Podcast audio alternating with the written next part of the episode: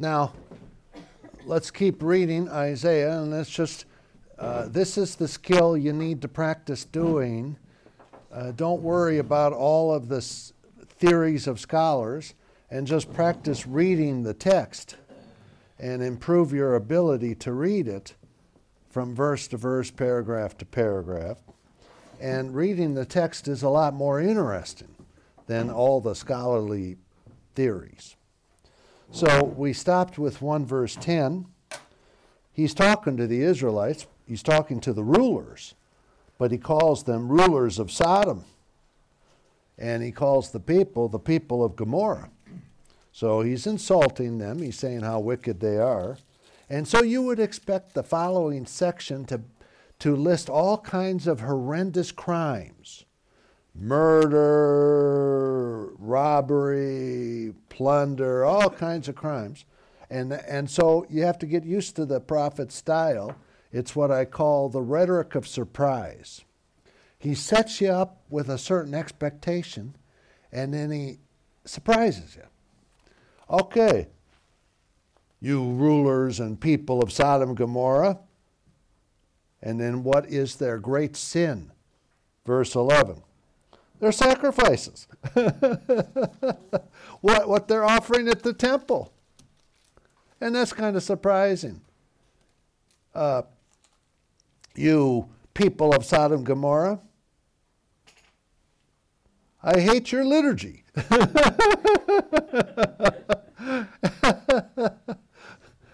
so he's condemning their worship practices.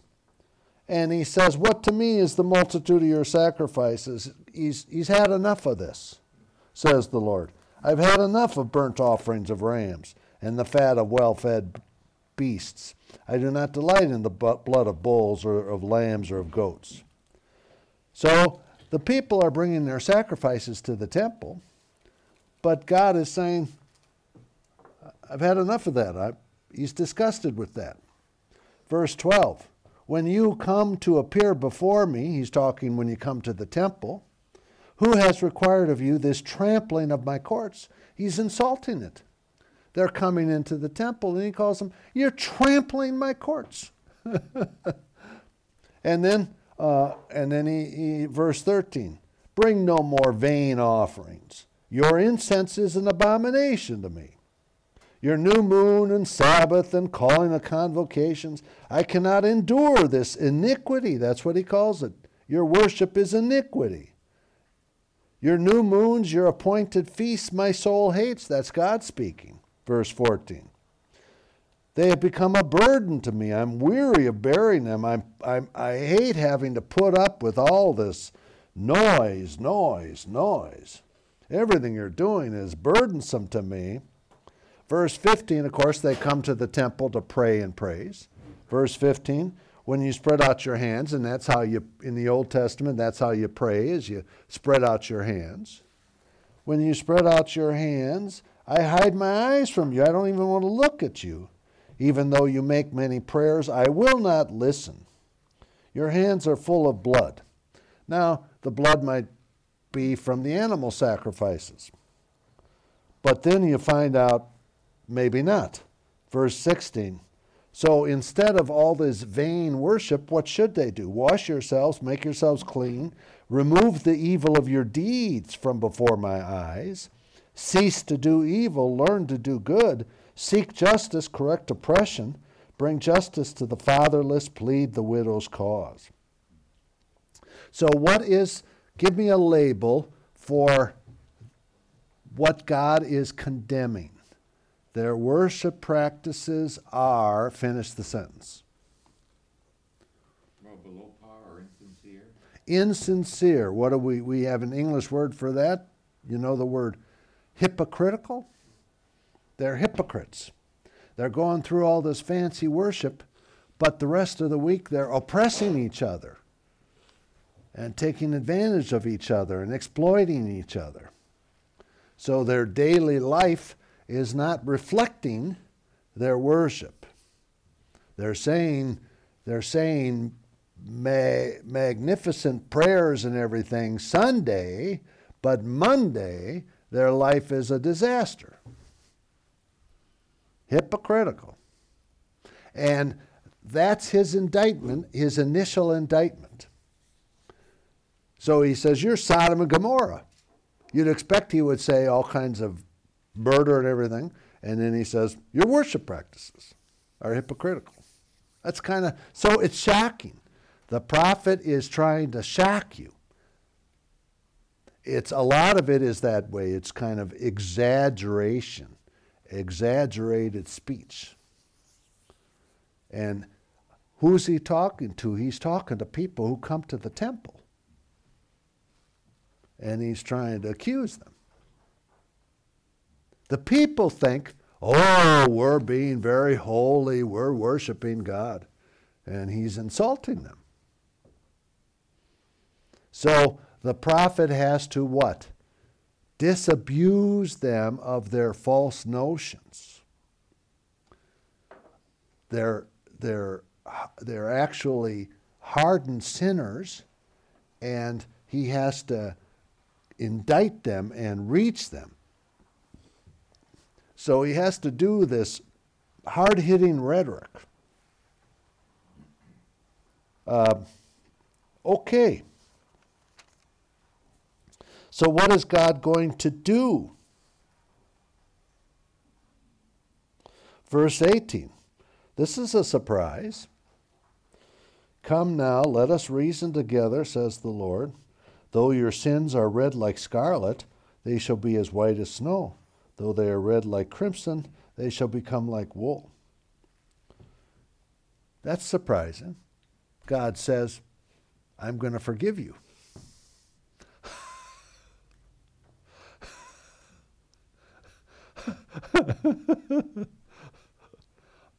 but then what?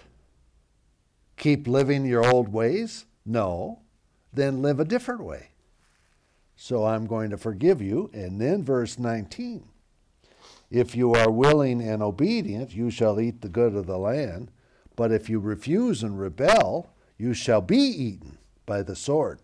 Wonderful wordplay that you can capture in English. You'll eat the good of the land, or you'll be eaten by a sword. Prophets love to do wordplays. And uh, sometimes we can capture it in our translation, sometimes uh, not. But that's the advantage of Hebrew. Isaiah's Hebrew is beautiful. He's the Shakespeare of the Bible. And he does word plays like this all the time.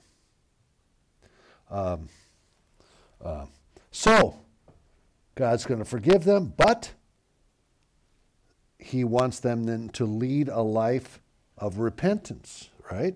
Lead a, li- a different life. Okay, now verse 21, the next paragraph. So read it in terms of paragraphs. And he's referring to Jerusalem. And here he's accusing Jerusalem. How the faithful city has become a prostitute, a whore, she who used to be full of justice. Righteousness used to be lodged in her, but now murderers.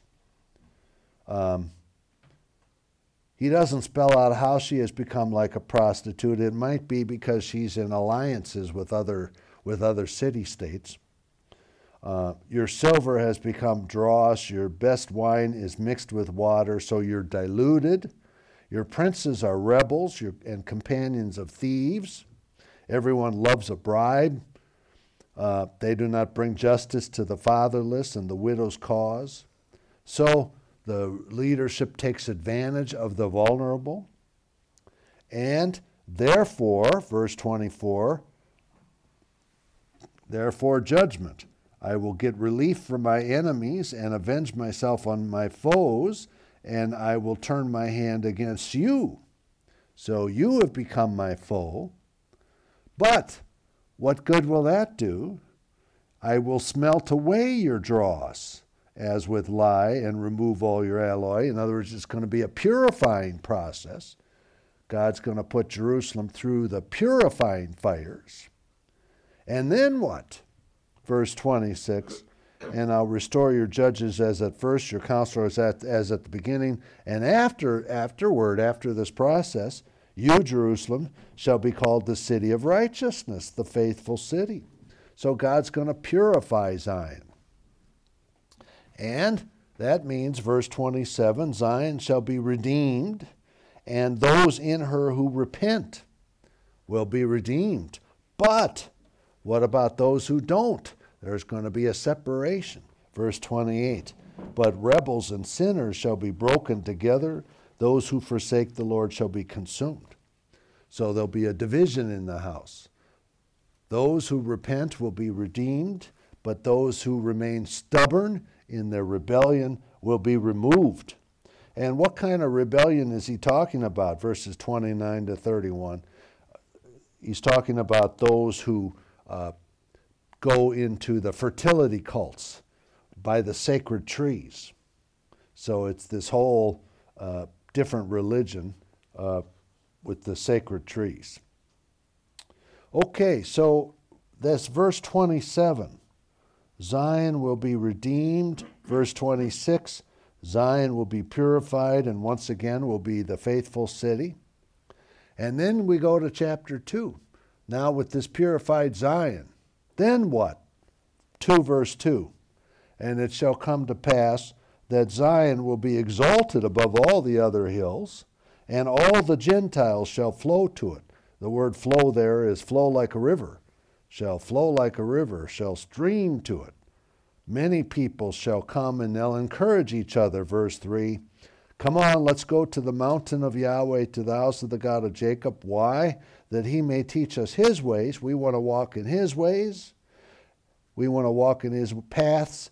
But in order for that to happen, he has to teach us. We can't figure it out on our own. And for him to teach us, we have to go to his dwelling place. So, a purified Zion will be exalted, and the Gentiles will stream to it. That's the promise. We saw the same promise in Micah. And, verse 4 God, the God of Israel, will judge between the nations. He'll decide their disputes, he'll, he'll settle their disputes. So, they don't need their weapons anymore. What are we going to do with these weapons? Let's make something useful out of them. So they'll beat their swords into plowshares and they'll beat their spears into pruning hooks. So the Gentiles will be at peace with each other. It's in a peace that's established by the God of Israel. That's the picture. And they won't lift up sword anymore. They won't even learn war anymore. They won't even know how to fight. That's, that's interesting. Even if they wanted to fight, they wouldn't know how. that's how innocent it will be. What's the fulfillment? Now, not yet. Ultimately, on the last day, we have this perfect peace we don't even know how to fight in eternity. And now in Christ, we already have this peace, Gentiles with each other, and with Christian Jews. We're all one in Christ, right? But we still are sinners and we still end up fighting until that day when we become perfectly uh, at one. So, 2 starts off with this vision of the Gentiles coming to Zion. Now, notice the interesting logic. Look at 2 verse 5. Now Isaiah addresses the Israelites. O house of Jacob, come on, let us walk in the light of the Lord. What's the logic? This is very tricky. One day the Gentiles are going to want to follow the ways of our God. Let's now follow the ways of our God in anticipation.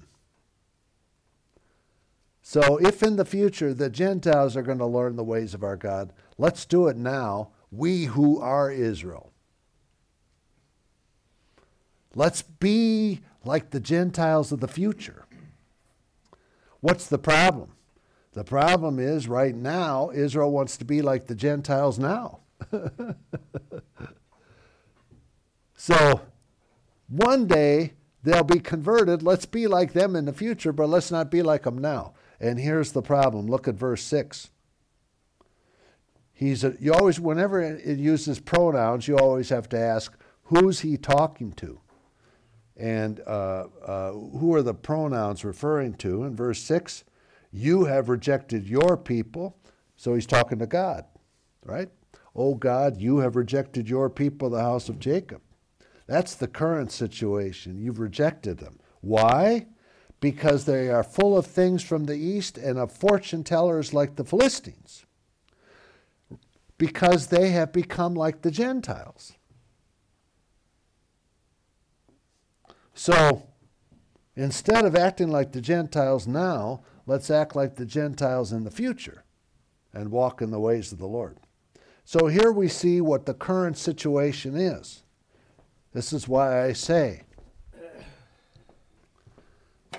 the age to come, it's going to be the way it ought to be Gentiles walking in the ways of God of Israel. But in the t- current age, it, the status quo, it's this present evil age.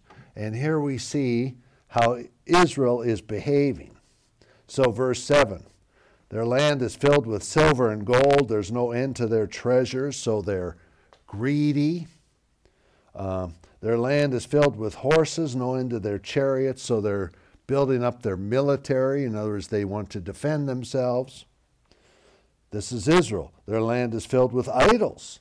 They bow down to the work of their hands, to what their own fingers have made. So they're worshiping what they themselves made. That's what an idol is. An idol is just what people make up. And in those days, very often it was an image, uh, a wooden image, and they'd bow down to it, uh, even though they made it. Uh, nowadays, people don't so much set up a statue and bow down to it, but they still make up stuff, and they still uh, live for what they make for for their own idols. Um, uh, Luther says that the uh, sinful heart is an idol factory. That's what sinners do. They're, they're just making up idols. So, what do people live for? They live for money, they live for power, they live for their job, uh, they live for their family, uh, first. They live for the country. Um, uh, they live for their reputation. But those are all idols. You know, the first commandment is always first. The prophets want uh, people to fear, love, and trust in the true God above all things. So, uh, here he indicts them for uh, idols. Uh, this indictment occurs a lot later on in the book as well. This is a constant theme in the book of Isaiah, condemning them for idols. Um, okay. Uh, verse 11. And God is coming in judgment and the haughty looks of man shall be brought low, the lofty pride of men shall be humbled, and the Lord alone will be exalted in that day. Um, so the Lord will be exalted, and then verse 12 For the Lord of heavenly armies has a day against all that is proud and lofty, against all that is lifted up, and it shall be brought low. So this is how God responds to human pride and arrogance. People want to lift themselves up, and he brings them down. And the higher they want to go, the farther he brings them down. Luther has this good line God never looks up because there's nothing above God. God never looks straight because there's nothing equal with God. God just looks down. And the farther down you are, the better he can see you. uh, I always get a kick out of uh, Genesis 11. It's, uh, uh, it's humorous. The Old Testament has some good humor in it. These were funny guys. And Genesis 11, the Tower of Babel. So the whole world is together and they're trying to build a tower up into heaven. They want to make themselves equal with God. We're going to build a tower up there. And then it says, the Lord came down to see what they were doing. He couldn't even see that puny little tower from where he was. He had to come all the way down just to see that puny little tower. What are those little ants doing down there? and uh, so, in our mind, we think we are high and mighty and we're going to climb up to heaven. But God's typical response to that is he brings the high and mighty down. That's his standard response to human pride. And this is at the root of what, of what we term theologically original sin. It's this human pride. Well, it goes back to Adam and Eve. Let's be like God. And uh, uh, so uh, that day, God's going to bring them down. And then he just gets very poetic here. Verse 12, uh, 13. Uh, against all the cedars of Lebanon, they, they're lofty and lifted up. They represent something high. Of course, the cedars of Lebanon were famous, these beautiful cedar trees in Lebanon. Against all the oaks of Bashan, against all the lofty mountains, against all the lifted up hills, against every high tower, against every fortified wall, against all the ships of Tarshish. These would be the Phoenician ships, Lebanon, that would go out west and they were very famous. Um, and they got pretty far out west. Some people think they got all the way out to Spain. Remember, the Phoenicians uh, established colonies on Carthage, uh, which is North North Africa. So they were, you know, the Israelites. They, they were very famous. These ships of Tarshish, and against all the beautiful craft and then here again is the key verse 17 The haughtiness of man shall be humbled, the lofty pride of men shall be brought low, and the Lord alone will be exalted in that day. So, God alone is should be exalted and will be exalted. And verse 18, the idols will utterly pass away. And verse 19, when the Lord comes in judgment, the people shall enter the caves of the rocks and the holes of the ground from before the terror of the Lord, from the splendor of his majesty, when he rises to terrify the earth. So people are going to hide. Verse 20. In other words, they're not, they're not going to be so arrogant anymore. They'll be terrified. Verse 20 in that day, mankind will cast away their idols of silver and idols of gold, which they made for themselves to worship. They'll throw them away to the moles and to the bats. They'll realize these statues are useless, just trinkets, trinkets of gold and silver. They'll throw it away to the bats.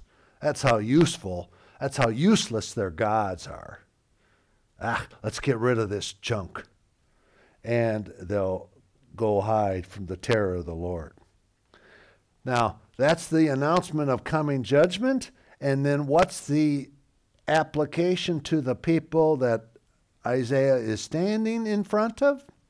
What's the imperative? What's the exhortation? What's the message? Verse 22 Stop regarding man in whose nostrils is mere breath, for of what account is he? Stop trying to win the admi- admiration of humans. Stop, stop trying to, uh, stop seeking the glory of man. Stop relying on man. Uh, of what account is he? Instead, look to the God of Israel. So that's the exhortation. Uh, now, it's very hard hitting, right? This day of the Lord that's coming.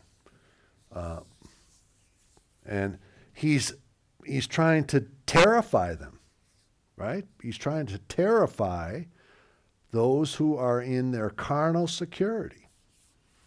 He's got to shake them out of their complacency. Does this message still need to be heard by people? People in their complacency?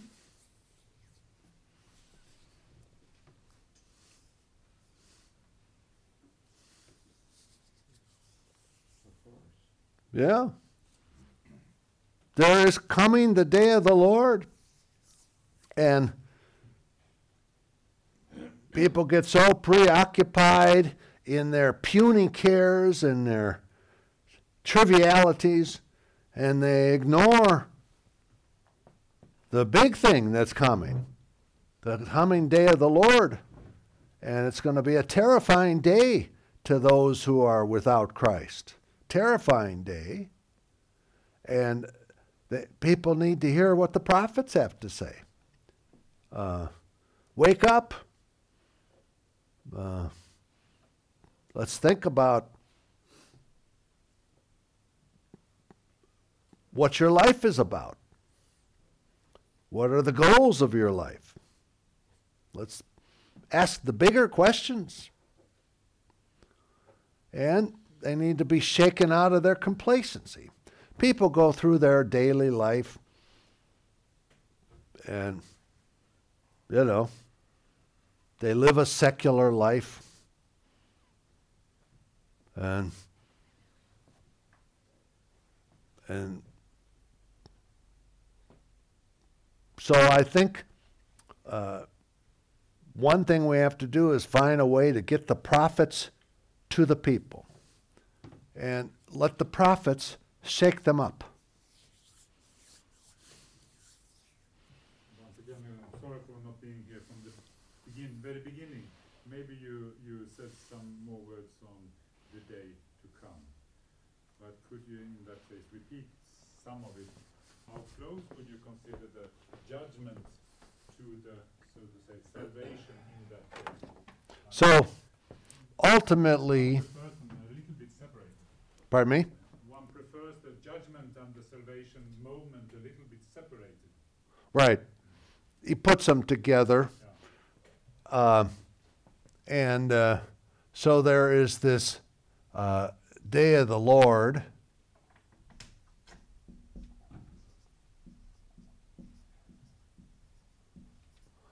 And uh, the prophet announces that day of judgment is coming. And ultimately, it's what we know as the second coming of Christ. Uh, but that day of the Lord manifests itself in history ahead of time. So we think of the Assyrian crisis as an example and how Assyria conquered northern Israel and conquered Judah. And then we think later of the Babylonian crisis and how Babylon conquered Jerusalem. So these would be kind of historical manifestations of the day of the Lord. But there, even for us, there is still this day of the Lord coming. Judgment Day when Christ comes again to judge the living and the dead. And part of our message has to be are you ready to face your creator and judge? Uh, and there's no escape, there's no way out of it. Uh, everybody has to face the judge. And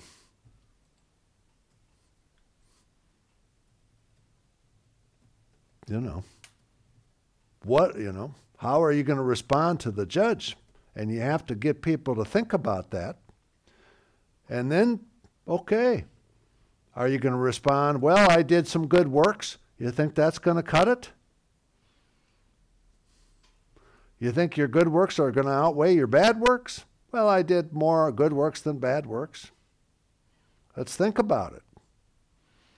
And ultimately, the answer is we're all guilty, but then they need to hear the gospel. The judge has provided a way of escape through his son, Jesus, the Messiah. So we need not fear that day. We can look forward to it because we belong to Christ. The, our judge is our Savior. We can look forward to that. But without Christ, Judgment Day should terrify you. So, uh, in that sense, we, we need to repeat the sermon of Isaiah. this terrible day that's coming, and uh,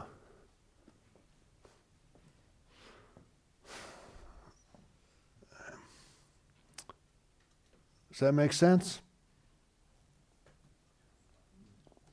We have this phrase in one of our hymns rouse the wicked with the judgment's dread alarms. That's one of the purposes to rouse the wicked with the judgment's dread alarms. There's a judgment day coming, and everybody has to f- be, you know, realistic, take stock.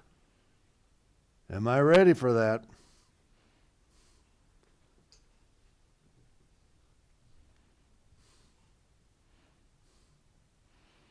Okay, so this promise, though, of, uh, of uh, on the one hand, he can say, there's this terrible judgment day.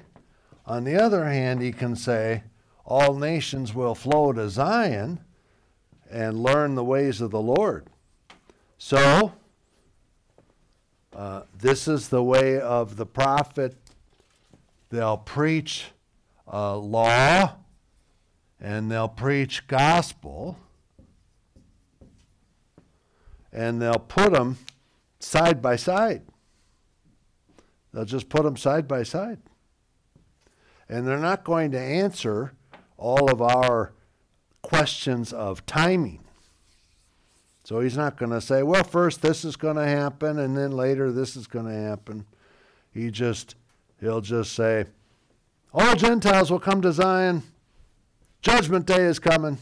And you're kind of going, well, how do they, you know, uh, is it first this? Is it first that? How do they relate? He doesn't answer those questions. He just, he just throws them out there. Zion will be purified. Zion will be exalted. All nations will come to it. Judgment day is coming. That's and here's my contention that's how Isaiah speaks, that's how he wants you to hear it.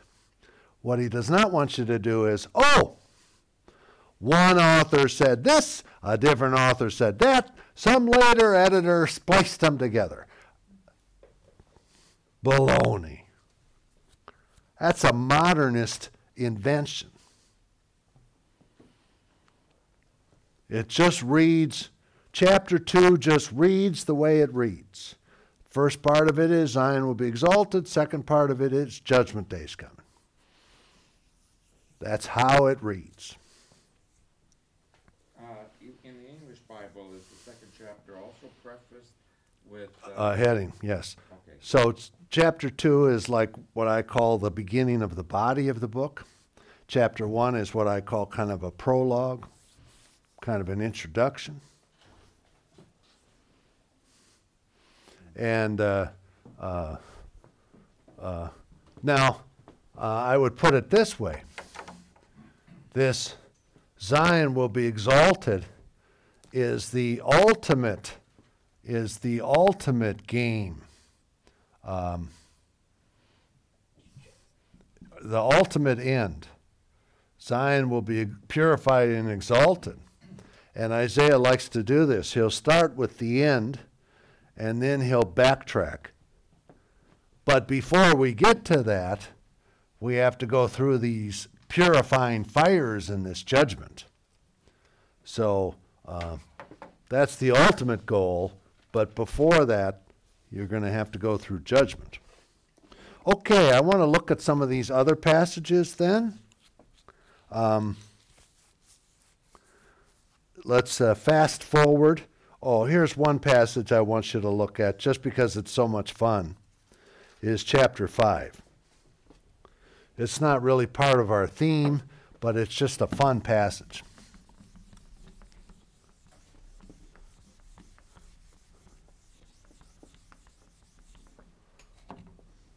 So, chapter 5, verse 1, Isaiah says, Let me sing for my beloved my love song concerning his vineyard.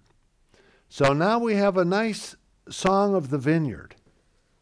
And just, I want you to be ready for what I call rhetoric of surprise. he likes to do surprises on you. He likes to lead you one way and then turn you another way. So just kind of let him let him uh, surprise you. So so far Isaiah is saying, I'm going to sing a song and it's for my beloved. So I am going to sing a song for my beloved, my friend, uh, concerning his vineyard. So my friend has a vineyard. And I'm going to sing a song about his vineyard. So far, that's what he's saying. So I expect a song that's going to extol uh, the glories of the vineyard. Oh, let me tell you what a wonderful vineyard that is and how beautiful the grapes are. And so that's, that's what I expect. All right. My beloved had a vineyard on a very fertile hill. All right. So it was a very fertile hill. He dug it and cleared it of stones and planted it with choice vines. He built a watchtower in the midst of it and hewed out a wine vat in it. So far, what, what am I singing about? I'm not singing about his vineyard, I'm singing about him. and uh, what an owner this is. And this is very surprising. Normally, an owner would have his servants do all the hard labor. But this owner himself is clearing away the stones. He's doing the hard labor himself. And what does he do? He plants with he plants in a choice vines, not average vines. This is choice. This is going to be choice wine. And he built a watchtower in the midst of it. Now, that's a little surprising. Normally, you don't build a watchtower in the middle of a vineyard. So, what? This owner is going to stay there and live there in the vineyard, and he's going to keep watch so nobody, nobody attacks the vineyard or steals the grapes, and no animals get in. And that's a little over the top, a watchtower. You don't typically build a watchtower. So I'm starting to think city. I'm starting to think city, not just a vineyard. I'm starting to think this looks this sounds like a city to me. And he hews out a wine vat in it. So he's anticipating a good crop and he's already in anticipation way ahead of the game hewing out a wine vat. He's not even waiting. That's that's a little surprising. So what do, what do I learn about this owner? Tell me something what you would what kind of owner is this? Well, let me give you multiple choice. Zealous or lackadaisical? Zealous. Zealous. Very controlled. Very zealous, very uh, on top of it. He's going to give a lot of attention to this vineyard. So he's very zealous. He personally does all the labor himself. All right. And was there anything that he omitted that should have been done? No. He went over and beyond the call of duty. So he does all of this, and he looked for it to yield grapes, but it yielded wild grapes. That's a surprise.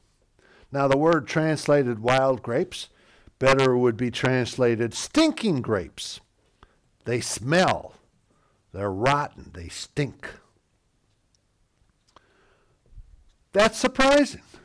It wasn't his fault. He did everything he could do. What happened? How come it produced stinking grapes? I don't know. I'm puzzled. I can't explain that. Verse 3 And now, inhabitants of Jerusalem and men of Judah, judge between me and my vineyard. Who's talking? Go ahead. I mean, but in the in the story, who's talking? The owner. So First, it was I, Isaiah, was going to talk about his vineyard, about his friend's vineyard, but now the owner talks. The owner kind of steps in and takes over, takes, takes stage. And who does the owner talk to? He talks to Jerusalem and Judah. They're going to be his audience. So now the owner says to them, Judge between me and my vineyard. They are supposed to act as the judge. You judge between me and my vineyard. I got a dispute with my vineyard, and I want you to judge. So, what kind of scene is it? Now it's a judgment scene. It began with, I'm going to sing a nice song about a vineyard, and now of a sudden I'm in a law court and I got a trial. See how he kind of switches on you? You just got to kind of track with him. That's why it's so much fun to read this material. So now you're in a law court and you judge between me and my vineyard. And what is, what are his statements? Questions. You're the jury, you're the judge. What more was there to do for, for my vineyard that I have not done in it? Answer Answer Nothing. When I look for it to yield grapes, why did it yield stinking grapes? Answer Don't know. so you're puzzled too. You're puzzled too. You're a great owner. It certainly wasn't your fault. We don't know what happened to this stupid, this weird vineyard. It's just weird. So, what are you doing? You're siding with him, aren't you? You're siding with him. You're not defending the vineyard at all. You are on his side. So he's used his rhetoric to get you to agree with the owner. And now comes the Zappo. And you know there's always going to be a zinger. But you have to kind of follow it and let them set you up. Yes? It's almost the same as Nathan is dealing with David. Exactly. Exactly. Same thing. It's very powerful to kind of be able to set your people up and then zing. And uh, all right, so uh, so you're saying there's nothing more you could do. We can't understand it. Verse five. So the owner is still talking. Now I will tell you what I'll do to my vineyard. I'll remove its hedge and it shall be devoured. I'll break down its wall and it'll be trampled down. So, in other words, enemy army is going to come in. I'm starting to think this isn't just a vineyard, this might be a city. Enemy army is going to come in. Uh, I'll, I'll make it a waste. It shall not be pruned or hoed. Okay, it is a vineyard. Briars and thorns will grow up. I'm going to let weeds overtake it. What does this tell you about the owner? Verse 6 I will command the clouds that they rain no rain upon it. Is that a normal vineyard owner? Now I'm starting to think this is this is this might be God talking. No, no vineyard owner can command the clouds to stop the rain. So, uh, so that kind of steps it up a little bit. Uh, this sounds like God. And then comes the punchline for the vineyard of Yahweh of hosts, sure enough, it is God, is the house of Israel. And the men of Judah are his pleasant planting. So you are the vineyard.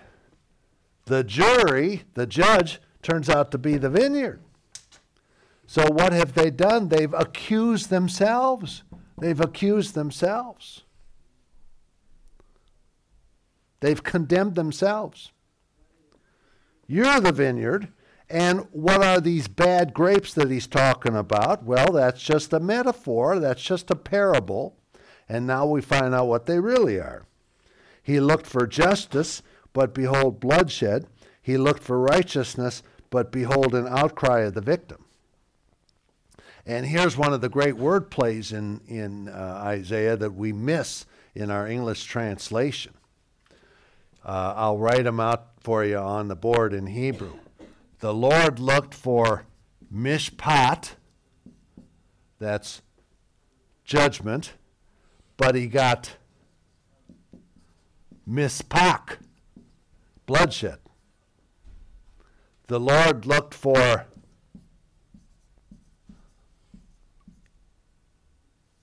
tzedakah, tzedakah, righteousness, but he got tzaka, an outcry of the victims. So, uh, this is what I call Isaiah the rap artist. The Lord looked for mishpat and got mishpak. The Lord looked for tzedakah and got tzaka. and our English translation doesn't capture it, but here's one translation that does. The Lord looked for measure and got massacre.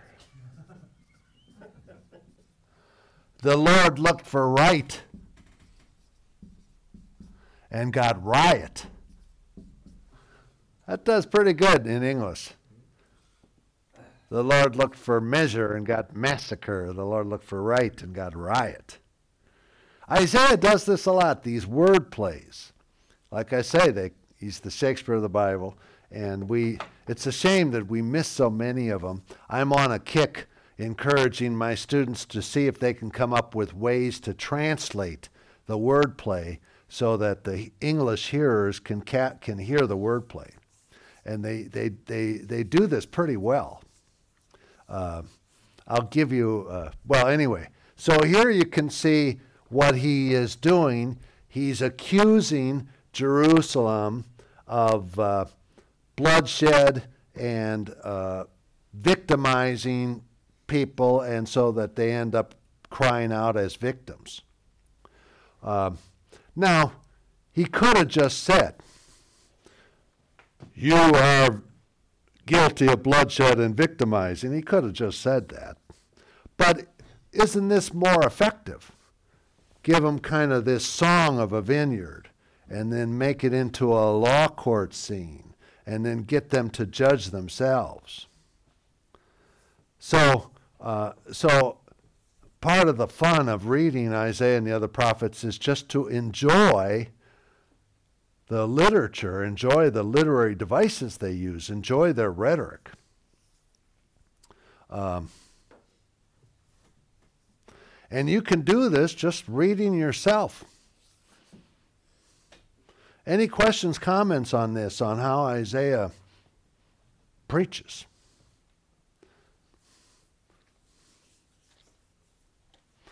This would be fun to try to try to do this in a sermon. Get the people to accuse themselves. Kind of give them a parable, and they're agreeing with you, and then all of a sudden they accuse themselves. So it's what? Rhetoric of misdirection. Misdirection. I'm leading them down this way, and all of a sudden, it, they accuse themselves. Now, what are this? What is this bad fruit that they've produced? Verse eight. And now he starts to spell it out.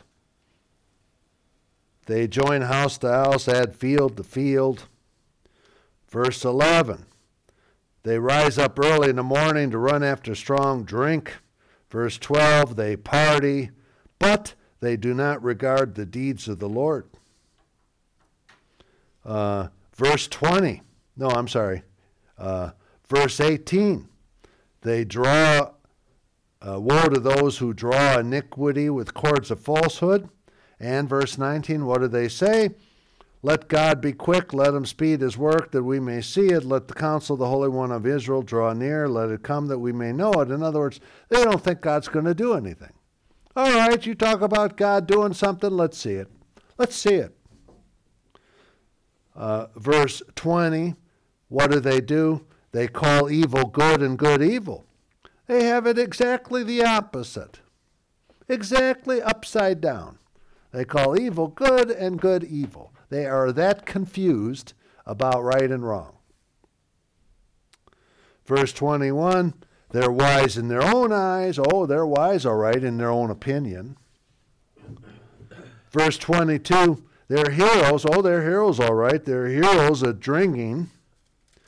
And then verse 23 and they acquit the guilty for a bribe. So he starts to spell out some of the bad fruit that they produce. And therefore, what's going to happen? Verse 25 the anger of the Lord was kindled against his people. And how is this going to manifest itself? Verse 26 he's going to signal for nations to come. Verse 27 they're going to come as a war, uh, as an army, and they're going to attack. Now, he doesn't identify who is this nation. But we know from later chapters that this is the Assyrians. So that's how God's going to manifest his judgment. He's bringing the nations in as his weapon, as his hammer. So just read it paragraph by paragraph and just follow the flow. And it's a lot more fun than worrying about all the theories. Questions, comments on that?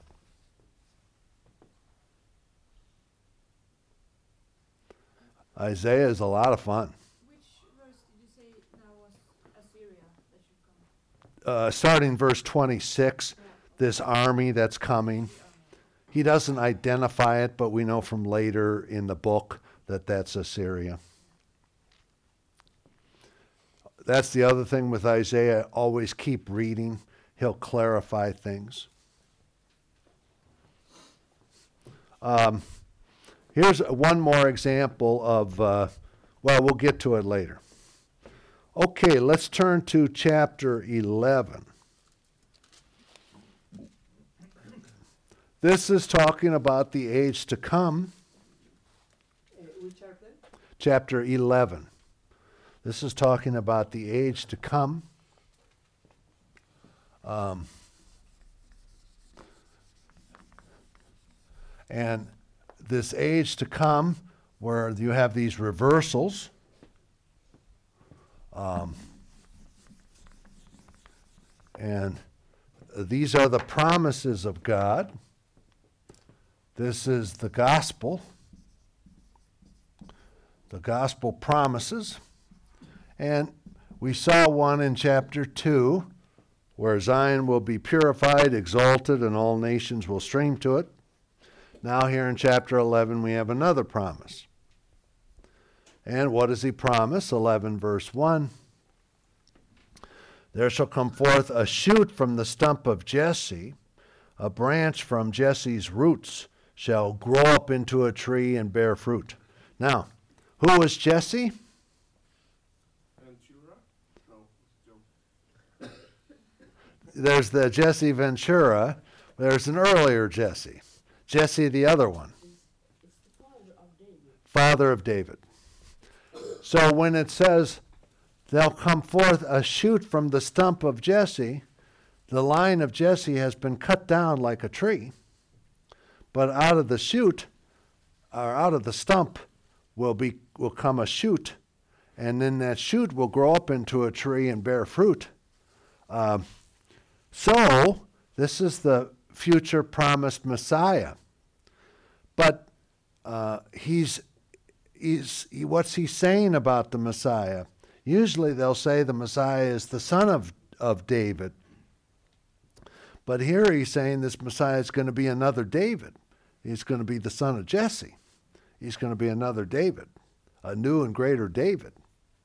So this is the coming Davidic king. All right?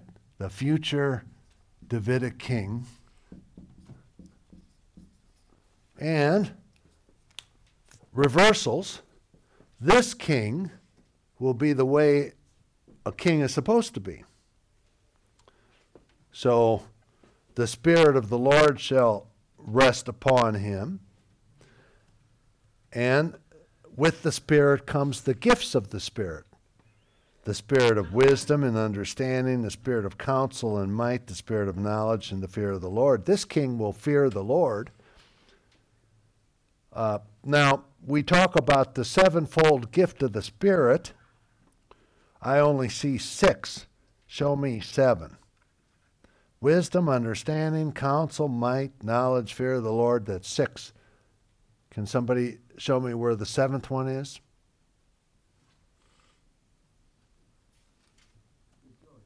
Pardon me? Pardon me? No, uh, it's in verse two. There are seven in verse two. What's the uh, what's the first gift? It's kind of a trick question.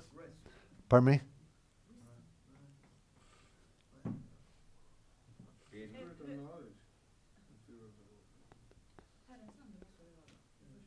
There are seven in verse 6.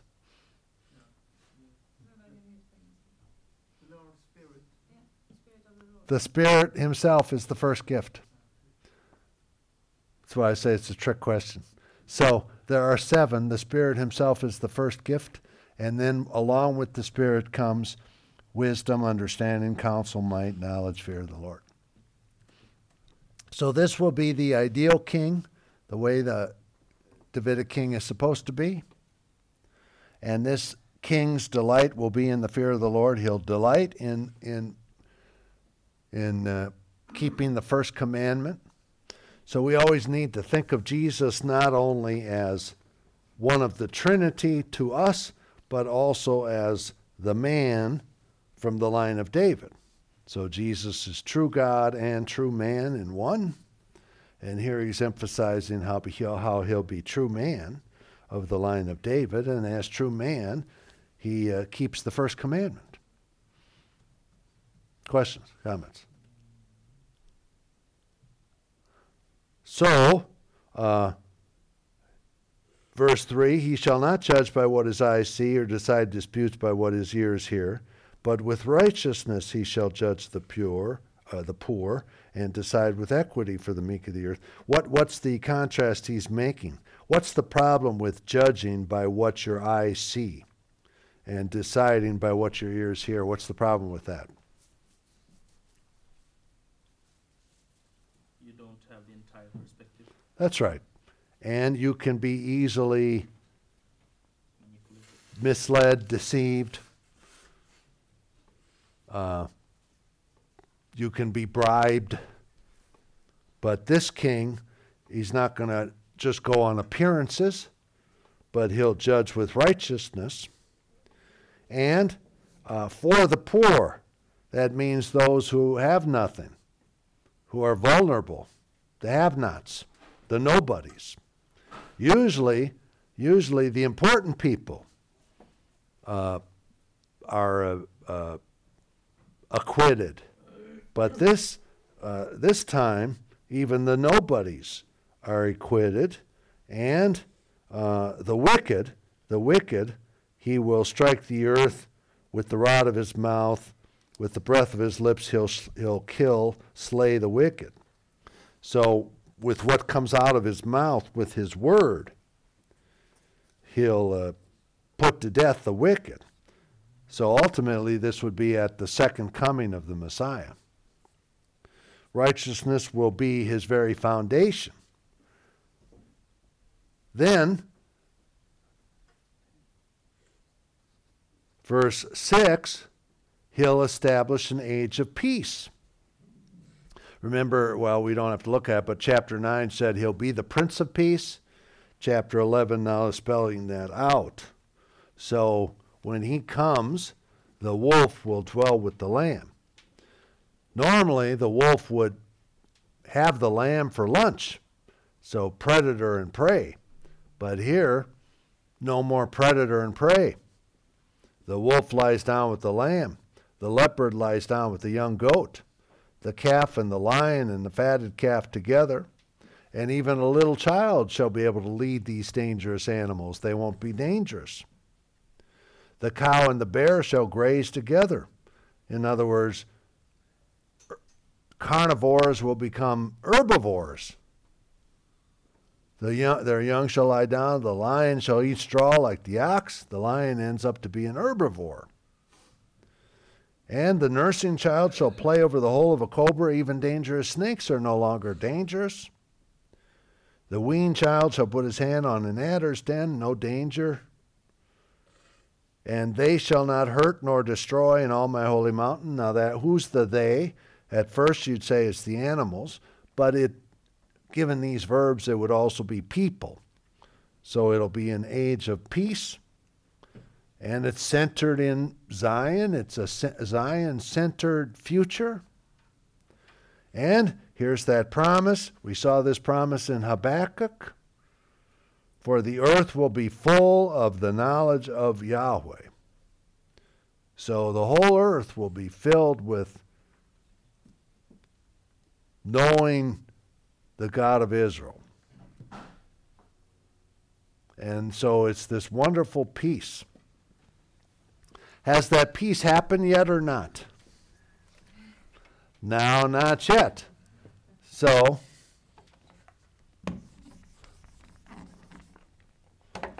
the Messiah came, and he's the Prince of Peace, and he's established this peace now, and yet we still await the fullness of it when the Messiah comes a second time in all of his glory. So, on the one hand, we're living in this age. On the other hand, we look forward to this age. So it's a noun, not yet. Yes. Yeah, I have a question about when you talked about that the whole earth, whole earth is filled with the knowledge Yes. of God, and that is at the same time a kind of peace. Yes. Uh, Could you say then that um, the knowledge of God is equivalent to peace? Well, yeah, that's part of the peace. Shalom, shalom with God, and then shalom with each other. Could you as well draw the relationship to um, uh, the relation to um, our relationship with God? That we have knowledge Yes. about God, and at the same time we have peace Exactly. Exactly. So we're part of the now. And we know we know the God of Israel by faith. And here we are the ends of the earth, Sweden. Uh, and now comes that verse in verse 10. And in that day, the root of Jesse, this Messiah, who shall stand as a signal for the peoples, notice plural, for all the peoples, of him sh- shall the Gentiles inquire. So the Gentiles will come under his rule, and his resting place shall be glorious. So another picture of the Gentiles coming under his rule. So in chapter 2, the Gentiles come to Zion.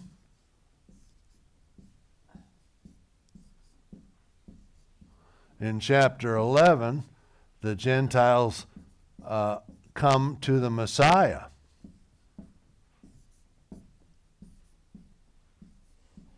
See that?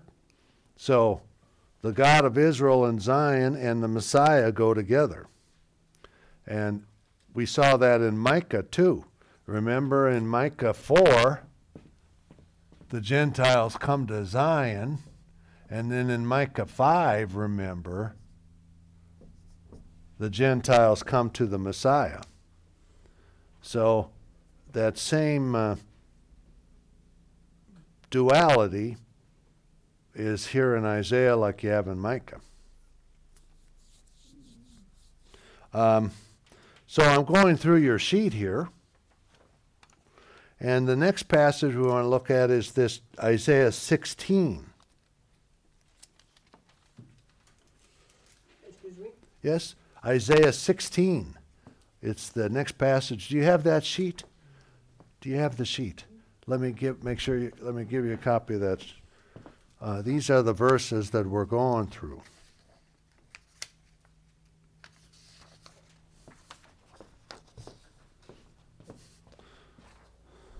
Um, now, again, the procedure is uh, understand each passage in its written context. So you have to read around just to make sure you know where you are here. In Isaiah 15, Isaiah 16 and 15 go together. It's part of one speech. Notice Isaiah 15 has a heading. This is a Massa, a burden concerning Moab. And then uh, 15 is about how the cities of Moab will be destroyed and how all of Moab will weep. So, coming destruction on Moab. And then that leads to chapter 16. This is very interesting. So, let's start with verse 1. The uh, send tribute. The leaders in Moab should send tribute to Mount Zion, to the daughter Zion, mountain of daughter Zion. And then verse 2 pictures a scenario. These prophets like to paint, uh, portray scenarios. Verse 2 like fleeing birds, like a scattered nest, so are the daughters of Moab at the Arnon River. So they're crossing the Arnon River and they're fleeing. Why are they fleeing? Because of chapter 15, the land has been devastated. So they're fleeing like fleeing birds. They're scattered, they're helpless, these, these women of Moab. And then what? Verse 3. These are feminine singular imperatives addressed to Zion. And so the daughters of Moab are the speakers.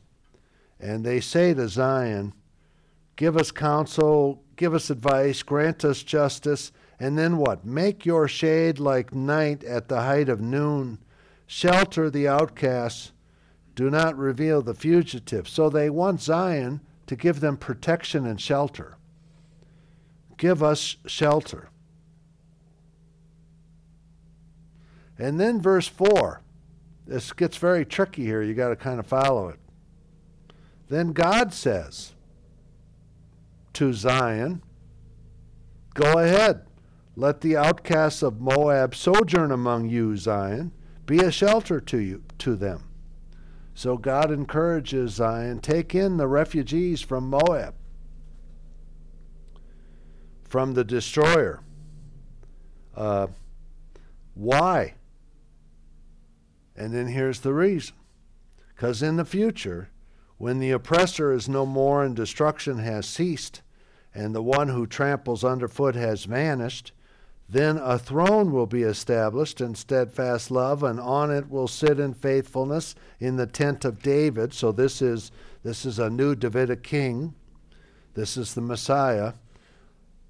One will sit who judges and seeks justice and is swift to do righteousness. In other words, he will be uh, the righteous king who will uh, do righteous for uh, for also uh, uh, oppressed Gentiles. So the future is going to include Gentiles. So therefore, Zion should be a shelter for Gentiles even now. That's the logic.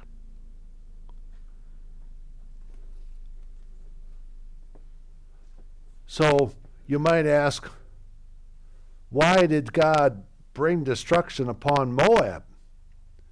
And the answer is ultimately so that Moabites would seek shelter in Zion. So he's he's getting Moabite, in this case Moabite refugees, to seek shelter in Zion. And that's his ultimate goal.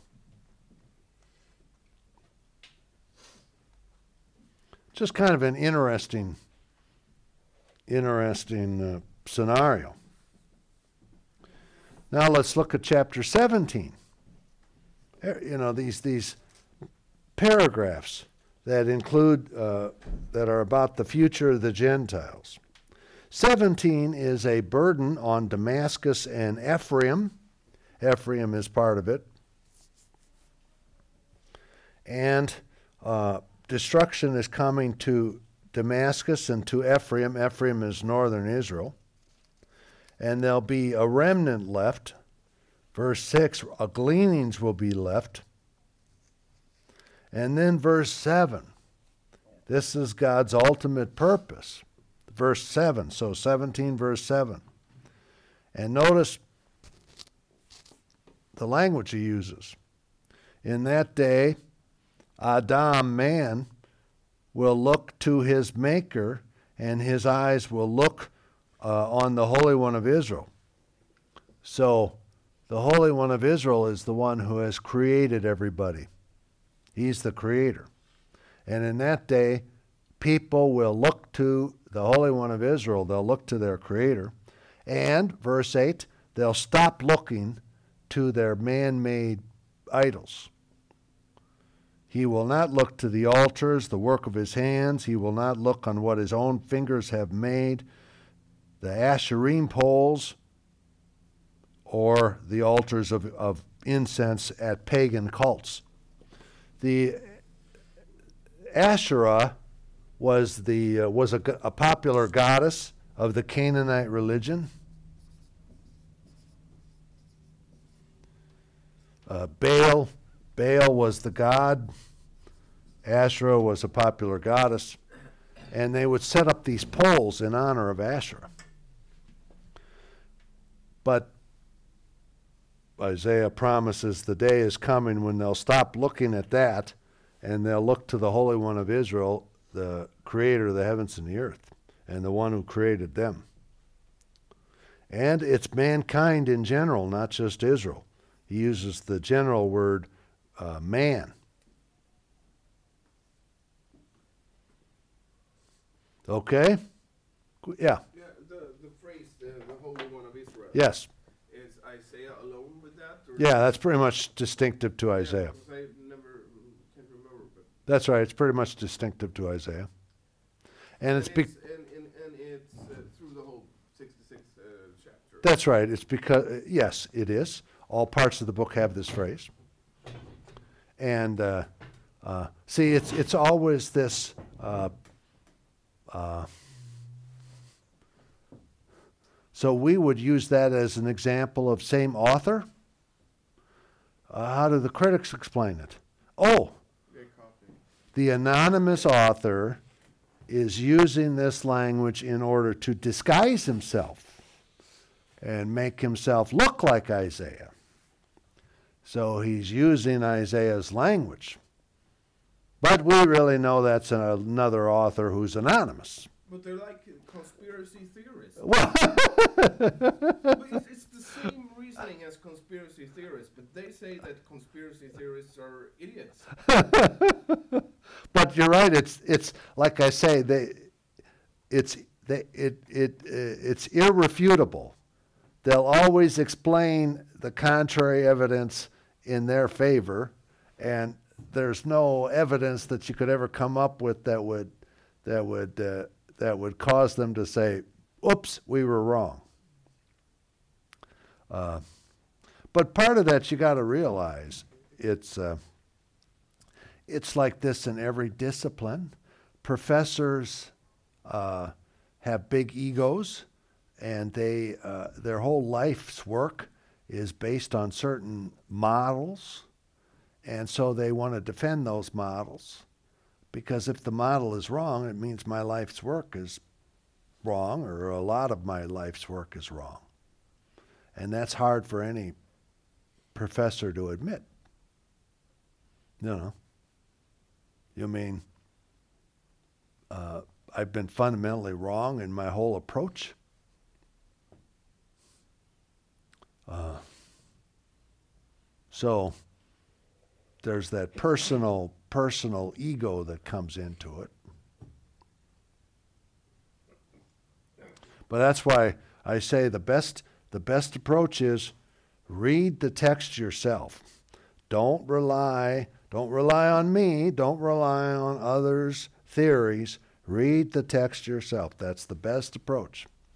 Study the uh, study the primary literature.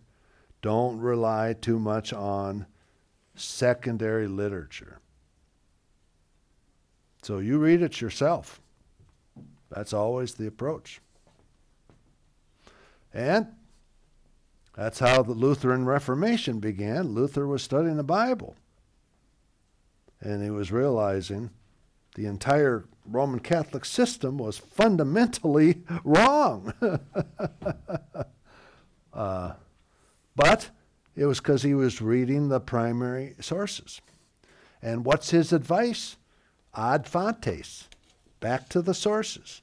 So he wasn't saying, take my word for it. He was saying, I'll translate it into German so the people can read it for themselves. And the people don't know Latin. So I'll put it into German. That's exactly what he did. He wanted the people to study it for themselves. So, uh, uh, and then you can evaluate these theories once you study it yourself. You can evaluate these theories.